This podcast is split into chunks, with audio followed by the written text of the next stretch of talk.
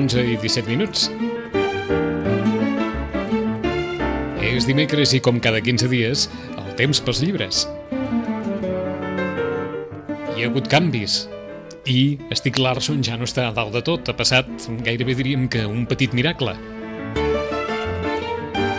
En ficció en català, Olor de Colònia, aquell llibre que es va destapar per Sant Jordi, a partir d'una autora que no s'hi havia ficat mai en el món de la novel·la, Sílvia Alcántara, en el primer lloc, ara, de les llistes de vendes, i en castellà és Henning Mankell, el protagonista del Pom de Dalt dels llibres més venuts.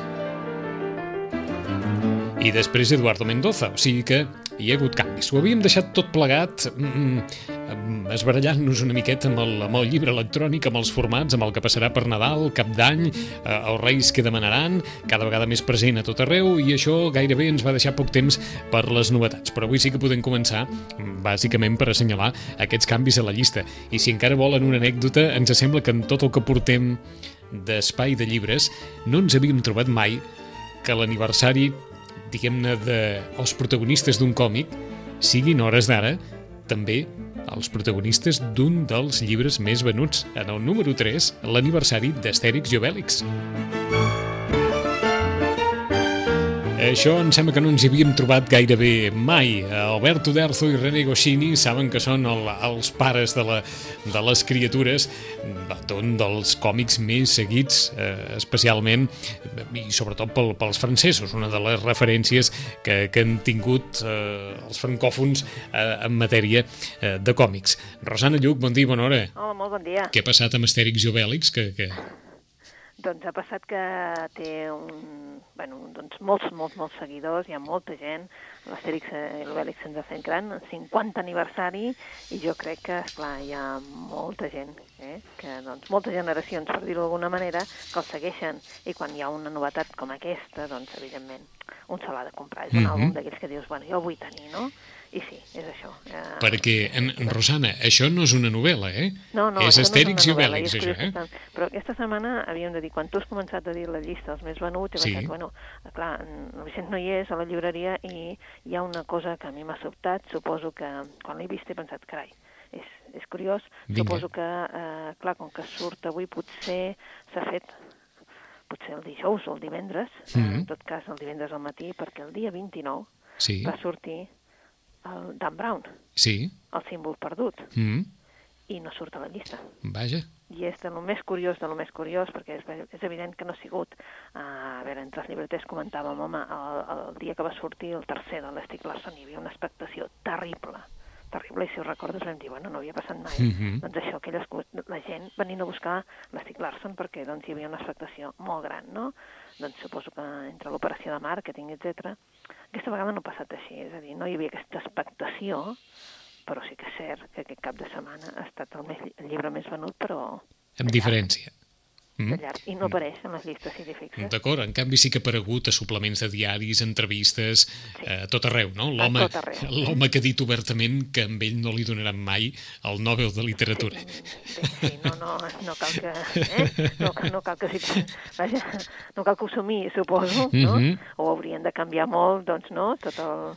Suposo les bases perquè se li dona a algú el, el Premi Nobel. Mhm. Però sí que és cert que s'ha notat moltíssim i bé, els aparadors de les llibreries en van plens, eh, bé, tothom en parla i en canvi aquí, curiosament, Mhm. doncs suposo que és aquest tema, no? que potser la llista s'ha entregat doncs, eh, me- eh, abans de... abans, abans, eh? Vull dir, clar, si s'ha entregat el divendres al migdia, clar, no, no, no ha sortit. Mhm. eh? Que quedi clar, per tant, que aquest cap de setmana passat el llibre més venut, amb diferència, ha estat El símbol perdut de Dan Brown, Sí, i en assaig hem de suposar que el llibre més venut ha estat la segona part de les memòries de Jordi Pujol. això sí, sens dubte. Sens eh? dubte, Sense eh? discussió.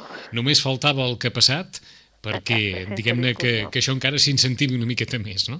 Sí, i, i, i la veritat és que sí, i a més a més hem de dir que, donat aquest tema, no?, uh, que n'hi- ha un de llibre que tampoc no apareix perquè és que acaba de sortir Ah, uh, un llibre que és Breu història de la corrupció, sí senyora. eh? Uh, que s'està venent, que s'està venent, i la veritat és que, bé, mm, és un llibre, Breu història de la corrupció, de l'edat antiga fins als nostres dies, d'un autor que es diu Carlo Bel Alberto Briocchi, eh? i la campana, bé, ens ha donat aquesta, eh? Aquest toc. Eh? Um, ja el tenia preparat, no ha sigut qüestió de dir ara mateix publiquem el llibre, és evident que el tenia preparat perquè un llibre no es treu en, Mm -hmm. en dos dies, el que passa que sí, ha, ha estat la coincidència, no? I jo he llegit un parell d'articles, doncs posant-lo, doncs a dir, escolteu, és un gran llibre, recordo un del, em sembla que era de, ah, del Quim Monzó, Sí. eh, posant-lo molt, molt i molt bé, i l'altre no sé si era del... A veure... Uh, no me'n recordo, és aquell... És un noi que és poeta... El Sebastià Alzamora, perdona. Mhm. eh? El Sebastià Alzamora també he llegit un altre article que deia que és un gran encert i donava, felicitava també a l'editora de Pas no? Mhm. per haver tret en aquests moments doncs, aquest llibre. O sigui, que quedi clar, com ja hem de suposar que tothom eh, assumeix, que un llibre no s'escriu d'un dia per l'altre, No, no, no. però com que la... Parla de, precisament Mhm. de, de, dels casos de corrupció d'aquí, eh? D'acord, per tant Només que... que, esclar, ens diu breu història de la corrupció Mhm. de l'edat antiga fins als Això mateix, dies. perquè cregui que la corrupció forma part de la, No. de la condició humana, Sí. eh? doncs, i que, per tant, eh, eh, s'extén al llarg de, de tota la història de la humanitat, aquí té un bon llibre per prendre referència. Tornem a repetir l'autor, Rosana? Mira, es diu Carlo Alberto Briocchi, D'acord? Eh? Carlo Alberto Briocchi. sí, eh? i clar, és un llibre doncs, que esclar, ha sortit bé, va sortir el dia 22 i, i la veritat és que clar, no ha tingut temps encara doncs, de, de sortir a les llistes Mhm. dels més venuts, però suposem que mm, per tots els articles que he anat llegint, que dius, bueno, déu-n'hi-do, eh? que ningú els ha demanat i en canvi estan fent això, aquesta d'això de dir, eh, és un, un gran llibre eh? i val la pena llegir-lo. D'acord, o sigui que eh, fiquem aquests tres, eh? Dan Brown, eh, Jordi Pujol i Carlo Alberto Briocchi. Sí, Aquests serien, diguem-ne, els tres llibres que aquests darrers dies s'estan venent més. Manen més, sí. Mhm. sí. En diferència. Eh, dir, a- en diferències, perquè ja podeu entendre que, a veure, la breu història de corrupció doncs interessa, és un llibre d'assaig i per tant vol dir una reflexió i algú hi ha d'estar interessat en, en, en aquest Mhm. tema, no? Malgrat que tots ens interessa, doncs, això, no? la notícia que ens donen, però no, no, és- no, és- no estem parlant del mateix, no? En canvi, eh, clar, quan surt un thriller com el del Dan Brown, doncs un aprofita que sigui un aniversari, que sigui un d'això de dir, Mhm. escolta'm, em va agradar el Codi da Vinci, en aquest eh, m'han dit, en el símbol perdut, m'han dit que torna a sortir el protagonista, el Robert Landom, és cert, torna a sortir, i bé, estem parlant d'un thriller, d'aquells que agafes i comences a llegir i estàs immers en una trama no? que et torna a portar per totes les pàgines i aquesta vegada et, eh, et porta cap a Washington, per tant, ens porta cap a un altre escenari. Mhm. Em cridava l'atenció un llibre que és eh, en, en castellà i en català més o menys cap al capdamunt de la llista també i que segons sembla ha provocat una polseguera enorme a Portugal que és Caín de José Saramago. Sí. Què, què ha passat amb aquest llibre? Uh, ha passat que, que José Saramago s'ha fet gran, està molt lúcid i diu les coses pel seu nom i diu les coses que ell creu. Eh? El que passa que, és clar, doncs, si, si ataques a les conviccions d'uns altres, a veure, la gent pensa que la Bíblia, la, la Bíblia en definitiva, el que està dient és que la Bíblia és, una, és un llibre d'històries, no? I les històries que ens expliquen, home, edificants, edificants, clar, vull dir, si, si t'hi fixes en totes, no sé, o sigui, que Abraham eh, hagi de sacrificar el seu fill, no? Mm. Uh, I en l'últim moment el Déu li digui, clar, és que és molt dur, o sigui, estàs dient que, que ha de sacrificar un fill? Eh? No sé, uh, és igual, uh, Moisès, en, si vas començant a veure històries, o per exemple Caín, ell comença en Caín, perquè esclar, uh, són els dos primers protagonistes. Sí. Ens deixa uh, Adán i Eva una mica al costat, però Caín i Abel, és a dir, com uh, sacrifica amb, amb un, eh, el Caín, per sobre de l'Abel, no? I com aquest ja decideix, doncs, eh, treure'l, eh, de dir, aquest és el dolent, i per sobre de, de dir, escolta'm, són germans, eh, fem-ho bé, fem-ho que s'estimin, que no sé què. De fet, ell fa una interpretació de tot l'Antic Testament i ens diu el que pensa. Mm -hmm. No era el primer cop, però, que José Saramago havia dit el que pensava, no? No, no, no, no, no. El que passa que potser, clar, aquesta vegada pues, ta- ataca més, no, això. Com que ho diu, és una persona que diu les coses sense embuts, no? Eh, clar, les diu en aquell punt d'humor que ens fa una mica riure, perquè, Mm. per, perquè és irreverent, eh? I, i clar, eh, ell el que fa ara és un recorregut una mica allò, com si diríem, no sé, mordàs, potser, no? Eh, pels passatges aquests bíblics i, i, i aborda aquesta qüestió que durant molts, molts anys, és a dir, mil·lennis, estat considerada intocable. Mm -hmm. O sigui que, mm, diguem-ne, per definir una miqueta, continua sent excel·lent literatura, però sí. compta amb aquells que tinguin les conviccions religioses molt, sí. molt assentades perquè es poden fer mal si llegeixen un llibre. Sí, de fet, és, eh, ja ho sabem, que ell eh, sempre ha abocat per dir jo sóc lliure, mm -hmm. eh? Vull escriure lliurement i tinc un pensament lliure i a qui afavoreixo és a l'home, a l'home en si. Mm -hmm. Res de divinitats, res de religions, res d'aquestes... Eh, eh, la religió és una pressió que es posa sobre l'home, eh, dirigeix el seu pensament, etc etc. I el que aboga ell en aquest llibre doncs és com sempre, eh? Mm, és, eh, aquest, vol desfer aquesta història de malentesos amb Déu que ni ells en, ens entenen ni nosaltres l'entenem amb ell. Vull dir que, clar, mm, és una mica... Ha tornat a descriure un llibre que, que en definitiva no ens deixa indiferents, eh? Ens atrapa, ens obliga a pensar, no? I, en, bueno, parla de personatges que tots coneixem, i que potser tots nosaltres hem pensat alguna vegada, home, quina història més tètrica, no? Vull dir, eh, com pot ser que Déu, no?, eh, li demani, doncs, que això, no?, doncs que sacrifiqui el fill, l'altre, Moisès, que, que mati amb aquells... Saps? És unes històries que, en definitiva, tu t'han explicat i com que te les explicaven amb, amb una... Tu no ho veies abans de petit, mm -hmm. quan eres sí, sí. petit i t'explicaven... Diguem-ne, estaven, estaven envoltades de, de sí. tota aquella, eh, diguem-ne, de tota aquella imatge que, que provoquen les històries del passat, no? Que d'alguna manera es vesteixen les històries del passat. Sí. D'acord. O sigui que... bueno, és, un, és un llibre curtet, eh? Mm -hmm. La veritat és que és un llibre curtet, és molt amè en aquest sentit, i bueno, ja sabem que és el seu esperit crític. En tot cas, eh, a veure, eh, clar, doncs si ataques les conviccions de la gent, si la gent creu eh, no? allò, mhm. -huh. s'ho creu de debò, que la Bíblia, doncs és... Però, esclar, la Bíblia és una cosa que ha passat per mil mans, eh, per mil traduccions, sí. i en tot cas, eh, els altres ho veiem com un llibre d'històries. D'acord. O sigui que d'alguna forma hi treu transcendència, hi treu totes aquella... D'acord. Sí, sí, sí, és una, clar, una relativització. Que tingui conviccions, doncs uh -huh. s'ho hagi pres malament. D'acord. És, és que hi ha, una, hi ha un parell de llistes de dos llibres més venuts amb un ventall de temes sí. que ens sembla que feia temps també que no passava, perquè el que us comentàvem d'Astèrix i Obèlix a, a Caín, i, i de Caín a l'última carta de Companys, sí. i de l'última carta de Companys a Olor de Colònia, o sigui que, que anem, per descomptat, dins d'una llista que es mou amb eh, temàtiques molt diferents i que aborda èpoques històriques molt diferents. Eh, L'última carta de companys l'havíem comentat, aquest llibre d'Antoni sí, Soler. Sí, l'havíem comentat que era el darrer llibre ah, això mateix. Soler. I que ficava ja en una Catalunya independent, ah, etc etc. Sí. D'acord. El que no sé si havíem comentat, no sé si algun dia ens n'havies dit alguna d'aquest llibre, de Nocilla Lab. No. No. Nocilla Lab eh, és... Eh, bé, són una, una, una generació nocilla, per dir-ho manera. Ah, això sí que ho havies comentat eh? en alguna ocasió. Sí, l'Agustín Fernández Mallo va, va publicar, en principi, Nocilla Dream. Eh? Uh mhm. -huh. Nocilla Dream, amb una editorial molt petitona, que era Candaia, aquell vam comentar, de fet. Ah, això ho recordo. vam comentar fa temps, sí. perquè va sortir amb una editorial així com a molt petitona, i que el Vilamates apoyava l'editorial i apoyava el llibre i deia, escolteu, llegiu-se'l perquè és una nova generació, una nova manera de pensar i també són, bé, eh? Mm, val la pena com a nova escriptura, no? El que ha tingut més èxit d'aquesta generació, evidentment, ha sigut ell, precisament l'acunyador del terme, del terme de la filla, eh? Que tots ens recorda el que ens recorda, no?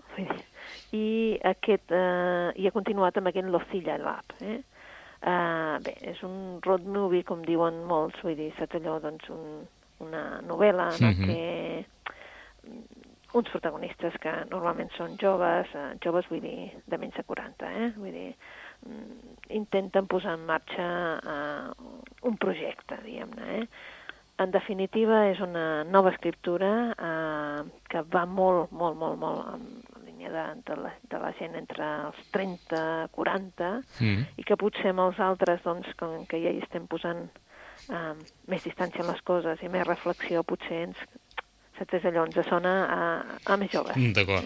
Eh? Vols dir que és una literatura molt generacional o, o, es tracta senzillament d'una nova manera d'escriure? Una nova manera d'escriure, Escriure. però sí que és cert que connecta amb una generació. Uh -huh. Eh? I que a més a més se senten com a bastant identificats. També, si recordes, també hi havia el Quico Amat, per Sí. exemple, eh? que també era un tipus de, de, de lectura, quan tu, tu llegies, que deies, bueno, sí, vale, però potser a mi ja em queda una mica més apartat. Eh? Uh -huh. I deixant de banda Stig Larsson, hi ha dos llibres que encara veuen de, de Sant Jordi que ens han cridat molt l'atenció. Amb, amb Assaig continua venent-se molt el factor humà de John Carlin, el llibre del qual ja se'n va parlar per Sant Jordi, aquesta història del Mundial de Rugby a Sud-àfrica l'any 95, Nelson Mandela, etc etc. però l'olor de colònia de Sílvia Alcántara s'ha ficat, almenys, si hem de ficar-se a la llista, al capdamunt dels llibres de ficció en català. Nova autora, descoberta per Sant Jordi, i, i en fi, i un llibre que, és clar, han passat uns quants mesos de Sant Jordi eh, ençà, i el llibre es continua mantenint amb, amb un estat de salut de vendes eh, envejable. Eh? Envejable, envejable perquè, a més a més, eh, tots aquells lectors que l'han llegida han quedat eh, contents en el llibre, és a dir, que el regalen. Eh? També és d'aquells llibres que... Doncs, que, Que va passant de mà en mà, vaja. Exacte, sí. Saps aquell bocorella de dir, escolta, mira, saps què? Com que aquest em va agradar, jo crec que agradarà. Eh? I sí, és cert, i és allò també del ventall de temes que hi ha aquí, no? Mhm. que deies, bueno, sí, eh, què ens interessa? Doncs suposo que ens interessen també les històries aquestes de Catalunya, no? En aquest cas, l'Olor de Colònia és Catalunya, eh, Colònia Tèxtil és el nostre passat, eh? i també, doncs clar, l'última carta de company seria una ficció, però torna a ser Catalunya, torna a ser doncs, una figura catalana, no?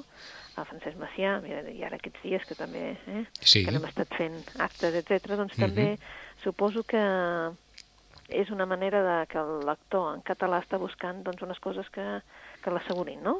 Que diguin, no, aquesta és una bona novel·la. Bé, a- aquesta és la que vull. I com sempre ens havies dit, és una bona novel·la.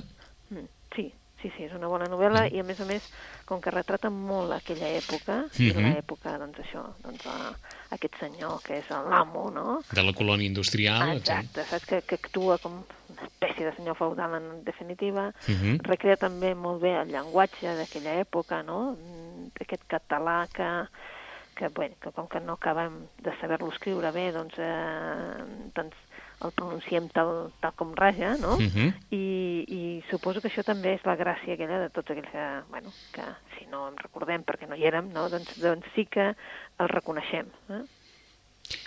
És una novel·la per recomanar, eh? Mm -hmm. Doncs abans no, no ens comenti les novetats la, la Rosana, encara dues coses més. Una, el, el Tres vides de Santos d'Eduardo Mendoza, que també està gairebé dalt de tot. Sí. Sí. És, és com a... L'Eduardo Mendoza ja saps que sempre fa aquelles... té aquelles dues fas, em, vessants, no? El, de, de narrador, però ell més que els altres. Eh? Té aquella vessant més sèria i la paròdica, eh? la que se'n riu, que ens fa Mhm. riure, que... Eh? Um, sempre amb aquells detalls més irònics, humorístics, no? Uh, el Mendoza aquí um, és una mica això, eh? Una paròdia, eh? o sigui, comença amb una paròdia, però això sí, mm, tampoc eh, fent, o sigui, sent bromista, però sí que traient-li gravetat a les coses. Eh? Um, és realment molt curtet, és un llibre molt curtet, s'assemblaria en extensió potser al Pomponio, eh? Mhm. el darrer que ha tingut, eh? però sempre aquella tendresa que vol fer ell, però alhora que ens fa riure, ens fa somriure com a mínim quan l'estem llegint. Eh?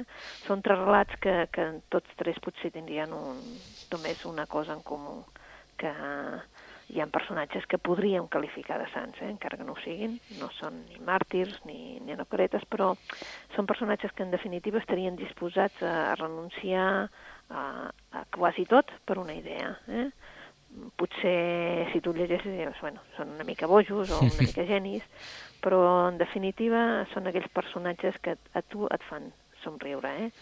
Um, ho recomanem dintre d'això uh, el que es diu el malentendido, perquè és una reflexió sobre la creació literari i sobre el diàleg entre classes socials, eh? Vull dir, també hi ha una mica allò com si diéssim un, un record d'aquell, del lumpen, de tota aquella gent que, va, que poblava el misteri de la cripta embrujada o el laberint de les aceitunes, i llavors també això vol dir que ell està recuperant coses d'altres novel·les. Mm -hmm.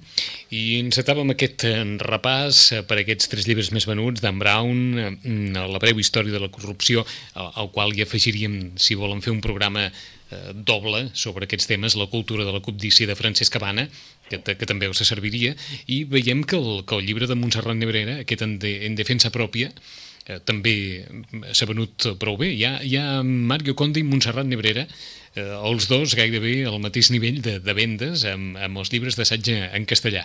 S'està venent bé? S'ha notat a les llibreries?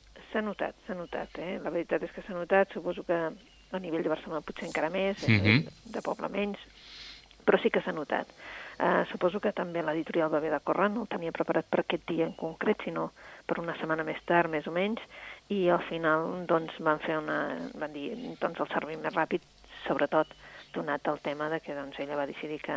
Eh? Mm -hmm. Ens va anunciar que, que plegava i suposo que per això, que el llibre ja estava fet, és evident, però clar, el, el, ell anunciar-ho, etc etc, doncs, i precisament per tot aquest tema que mm -hmm. està havent no? Que...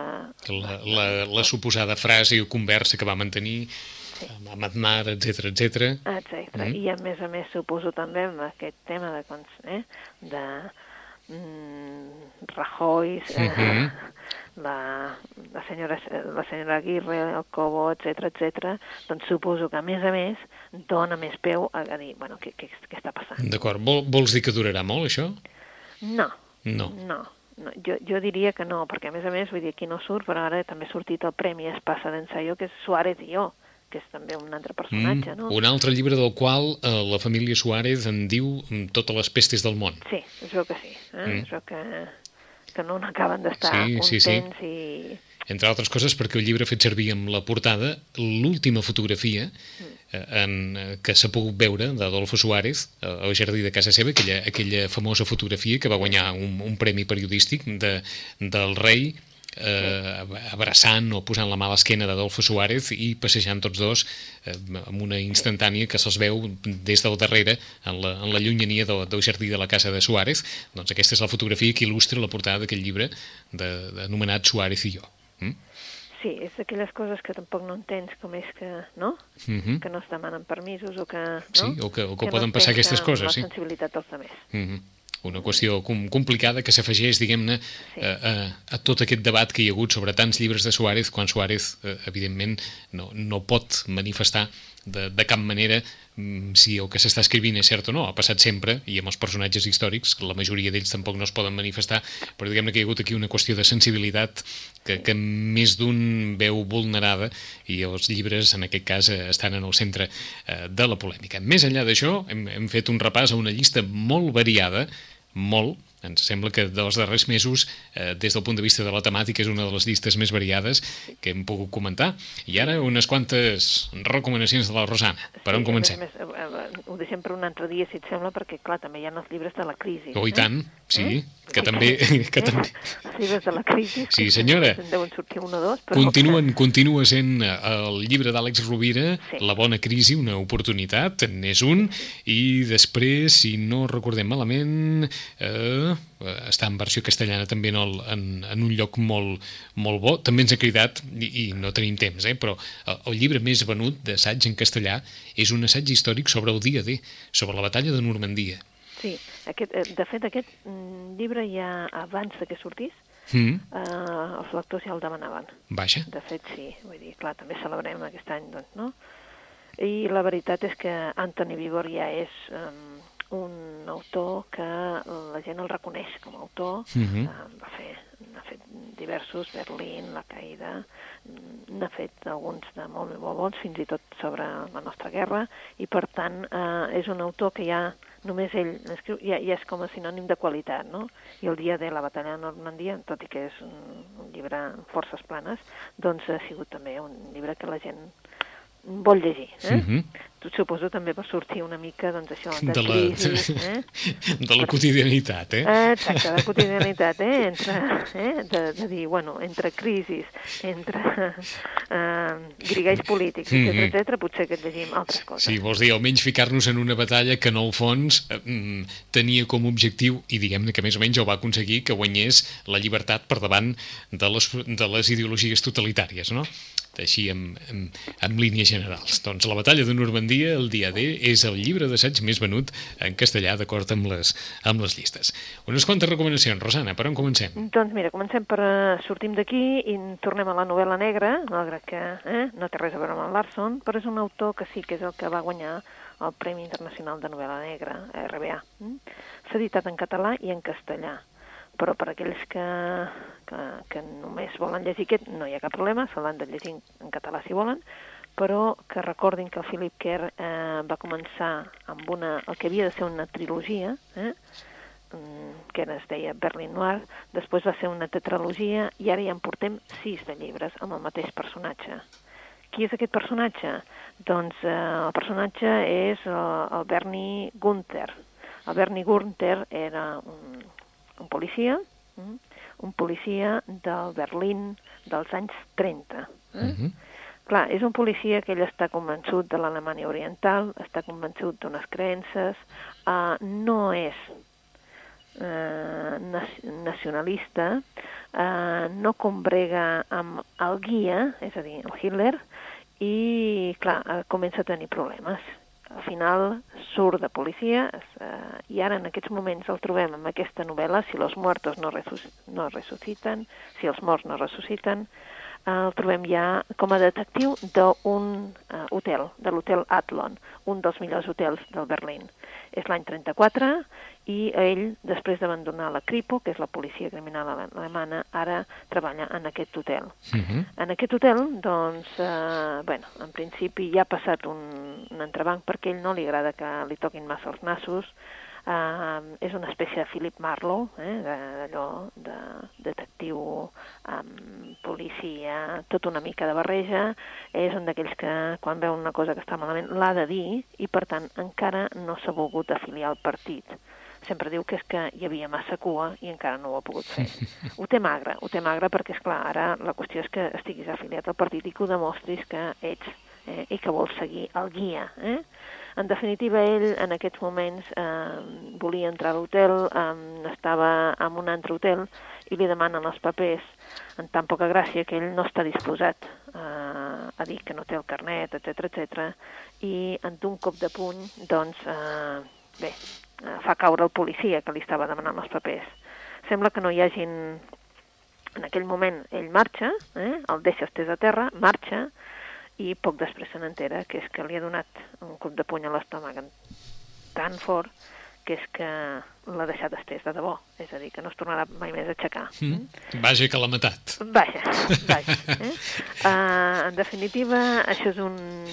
no és una anècdota, però sí que serà una de les coses que veurem dintre el llibre, Mm -hmm. però vaja, és una de les coses que el marquen com a caràcter, perquè no, no volia fer, però vaja, ja ho ha fet. Eh? Um, es serveix de tots els contactes que té encara a la Cripo, eh, als seus excompanys, i tots els diuen que no res és com era abans, eh, i en definitiva ara eh, hi ha hagut un cas, un cas en l'hotel en què ell es veu implicat. No està d'acord en què el l'amo de l'hotel eh, faci veure que no passa res quan hi ha un aldarull perquè aquell senyor paga i paga molt, i, però vaja, s'ha d'aguantar perquè ell està treballant. Uh, de, de cop i volta hi haurà una periodista en l'hotel, la Norin uh, Charalambides, que ha arribat a Berlín per a investigar una mica què està passant amb aquest uh, fervor antisemita, eh? i la veritat és que com que volen designar la ciutat com a seu dels Jocs Olímpics del 36, ella ve una mica per investigar a veure què. La Norin i el Gunther s'aliaran, eh, de fet, eh, pel cas i també pel que no fa el cas, eh? I tindran un afer. Eh? Però, eh, en definitiva, volen seguir la trama d'una de la, de, una, del, del fet de que, que hi hagi les altres esferes estiguin molt connectades amb el nazisme i amb el crimen organitzat d'Estats Units. Eh? Hi ha un xantatge, um, això els farà renunciar, la Norin torna als Estats Units i Gunther veu com, bé, com una altra vegada es queda sense un amor, sense una dona al seu costat i tornarà a la seva solitud. Però molts anys després ens trobem el Gunther a l'Havana, a l'Havana de Batista, eh, i es veu que els viatge, eh, hi ha fet un viatge, els, ell i els seus fantasmes i tot això acabarà en l'any 50 i pico, eh? i que és una trama doncs, que veurem que hi ha fins i tot un personatge que ell no vol dir que, en definitiva, hi té sang família, de, de família. Mm. És eh, allò de Si los muertos no resuciten. És un, una novel·la molt diferent a lo que seria el Larson, molt diferent a lo que seria el Mankel. Ell és un investigador, diguem-ne, expolicia, no? Eh, poca solta, mm, saps? Vull dir, mm, intenta doncs, xantejar en qui pot, fa veure qui és que, que agafa els noms d'un altre per eh, aconseguir informació, mm -hmm. eh, però sempre està disposat a fer favors amb els altres. D'acord, eh? vols dir un, un policia amb una ètica així una mica sui generis? Mm, sí, molt sui generis. Eh? Eh? Això no vol dir que no sigui allò que dius, bueno, et fa, eh, sempre el tens al somriure perquè té un parlar i una manera d'escriure a la gent que, doncs, eh, però vaja, imposa la seva, eh? Mm -hmm. Dóna la sensació d'una història, mm, diguem-ne, de desenvolupament mm, elaborat, eh, com a mínim? Sí, sí, sí, sí. perquè a més a més, que, com, com us deia, el personatge ve de, ja de, de diverses novel·les, uh -huh. eh, sempre situades a Berlín, sempre situades en... Eh, eh, els nazis entren i surten de la novel·la, eh, hi ha un sentiment anti-nazi, eh? Eh, un sentiment cap als jueus que els vol ajudar d'alguna manera, no entén aquest, aquesta voluntat de, eh, d'extermini de, eh, i farà tot el que pugui per aquests amics també, mm -hmm. si han sigut amics seus jueus, doncs ajudar-los. Si los muertos no resucitan, de Philip Kerr, mm. una història més amb Bernie Gunther, policia situa la història a Berlín dels anys 30, però aquesta història va fins a la Cuba de Batista. Mm? Sí. I enmig moltes coses. Premi Internacional de novel·la negra. Per on seguim? pues podríem seguir per una altra que és de novel·la mm, de caire històric, eh? i en la que hi ha, doncs, bueno, lo típic, no? Crims, traïcions, eh? i us parlem de la Catalunya romana. Es diu El somni de Tarraco. Eh? Per tant, suposem que serà un èxit, però sobretot a Tarragona. Eh? L'escriu el Julio Ricardo Trigo. Eh? Ell ja ens n'havia fet de novel·la històrica, de fet, i llavors, bueno, i mm, en definitiva va fer una que va ser força coneguda, que era Els secrets de la reina, mm -hmm. que va guanyar el Premi Ausias Marc, i ara ens apareix amb aquesta El somni de Tarraco. O sigui que si això és un èxit, sí. Tarragona, a més de rebre ja molt de turisme, encara en pot rebre més, oi? En pot rebre més, sí, mm. sí, perquè ens estem parlant doncs, d'això, doncs, l'any 25-30 abans de Crist, eh? l'exèrcit romà lluita per aconseguir això, doncs, eh, eh, que hi hagi més pau en els pobles del nord d'Ibèria, i l'Octavi August s'instal·la a Tarraco. Eh? Des d'allà vol administrar tot l'imperi. Eh? Mm, la ciutat es mostra acollidora, està tocant de mar, és terra doncs, també de conreu, i aviat eh, ell veu trastocat el seu ritme tranquil i quotidià. Eh? El tràfic d'obres ordenades per l'emperador per tal de convertir-la en la població més esplendorosa de la Mediterrània, s'hi afegeixen doncs, eh, totes les conspiracions provocades per, evidentment, per ànsies de riquesa, per ànsies de poder, de poder fer cadascú el que vol. No? Hi ha un metge, el metge es diu Pertus, que serà capaç de recordar al cap dels anys els fets, uns fets cruels, uns fets que van commocionar a tota una ciutat. Eh? Va ser l'assassinat a traïció del governador Maní i l'empresonament del jove Sul. Eh? Uh, tants, I això només va ser l'inici d'una llarga cadena doncs, de mentides, d'intrigues, d'injustícies, però bé, uh, al final doncs, potser tot acabarà doncs, sortint a la llum. Eh? Passem de Tarraco a Ilerda, eh? passem per les muntanyes i el somni de Tarraco torna a estar doncs, amb aquesta Catalunya romana que volem descobrir i, en definitiva, doncs, és un període de història, sobretot del nostre país, que ens descobreix que a Tarragona hi tenim un gran llegat. Mm -hmm. eh? Julio Ricardo Trigo fa una novel·la amena, no?, de traïcions, de revoltes i, en definitiva, vaja, és com si diéssim un homenatge a Tarragona. El somni de Tarraco, novel·la de Julio Ricardo Trigo, situada doncs, en la Tarragona romana, quan Octavi August arriba a Tarraco per des d'allí organitzar l'imperi. I tenim temps per una recomanació més, Rosana. Doncs bé, podríem, no sé si jo encara no l'he llegida, però sí que hem de dir que tenim un autor aquí a les Roquetes, que es diu Juan Carlos Borrego, que l'hem tingut com a autor de, de llibres doncs, de més d'excursió i de fauna, etc. I ara ens presenta una, una novel·la, una novel·la breu, que ha guanyat el Premi de novel·la breu de Ciutat de Mollerussa. Eh? Es diu Cafè amb sal. Eh? Va arribar ahir la novel·la, la veritat uh -huh. és que va arribar ahir, és un autor que, doncs, que us deia, no? que ha publicat allò del Carri, el Garraf i la Marina Penedesenca, també alguna cosa sobre el Foix, etc. I aquesta és la seva primera obra literària, per dir-ho d'alguna manera. I narra la història de cinc personatges, cinc personatges obsedits, eh, cinc personatges que tenen les seves dèries, les seves idees, amb els temes, eh, jo diria que universals, com la gelosia, l'enfrontament, eh, tema polític, eh, però també el futbol, eh? amistat, fidelitat, infidelitat... Bé, són temes que eh, estan presents eh, en, la, en la història i està ambientada en un refugi de muntanya, un refugi situat a la Cerdanya i el que fa és eh, barrejar les situacions de dia a dia del món dels excursionistes amb un argument amb característiques de thriller, no? En definitiva, eh, Juan Carlos Borrego, que el que estima és molt, doncs és eh, la muntanya, etc i el camp, doncs ens ha situat els personatges, evidentment, a la Cerdanya, a la muntanya, i això sí, amb una espècie de thriller en el que de vegades doncs, les situacions són fins i tot delirants. Mm -hmm. Premi novel·la breu, Ciutat de Mollerussa, acabat d'arribar, Cafè amb sal, de Juan Carlos Borrego. L'afegim a la llista de llibres que ens ha deixat la Rosana per avui, de uh, Philip Kerr, Premi Internacional de Novel·la Negra, Si los muertos no resucitan, i de Xuli Ricardo Trigo, El somni de Tarraco. Però recordar també el que ens deia la Rosana, llibres que no apareixen a la llista de llibres dels més venuts i que aquests darrers dies han estat veritablement un èxit. El darrer llibre de Dan Brown, El símbol perdut, uh, la segona part de les memòries de Jordi Pujol, les que se situen en l'època que molts ja assenyalaven com a, com a més sucosa de la trajectòria i sobretot de la, de la trajectòria política del president de la Generalitat, Temps de construir, també no, no, la tríada de llibres més venuts o La breu història de la corrupció de Carlo Alberto Briocci, que també és un altre dels llibres més venuts aquests darrers dies. En 15 dies continuarem considerant novetats eh, literàries en el nostre habitual temps dels llibres, com sempre, amb la Rosana Lluc. Rosana, fins aquí 15 dies. Fins aquí 15 dies amb vosaltres. Ens retrobem. Adéu-siau. Adéu.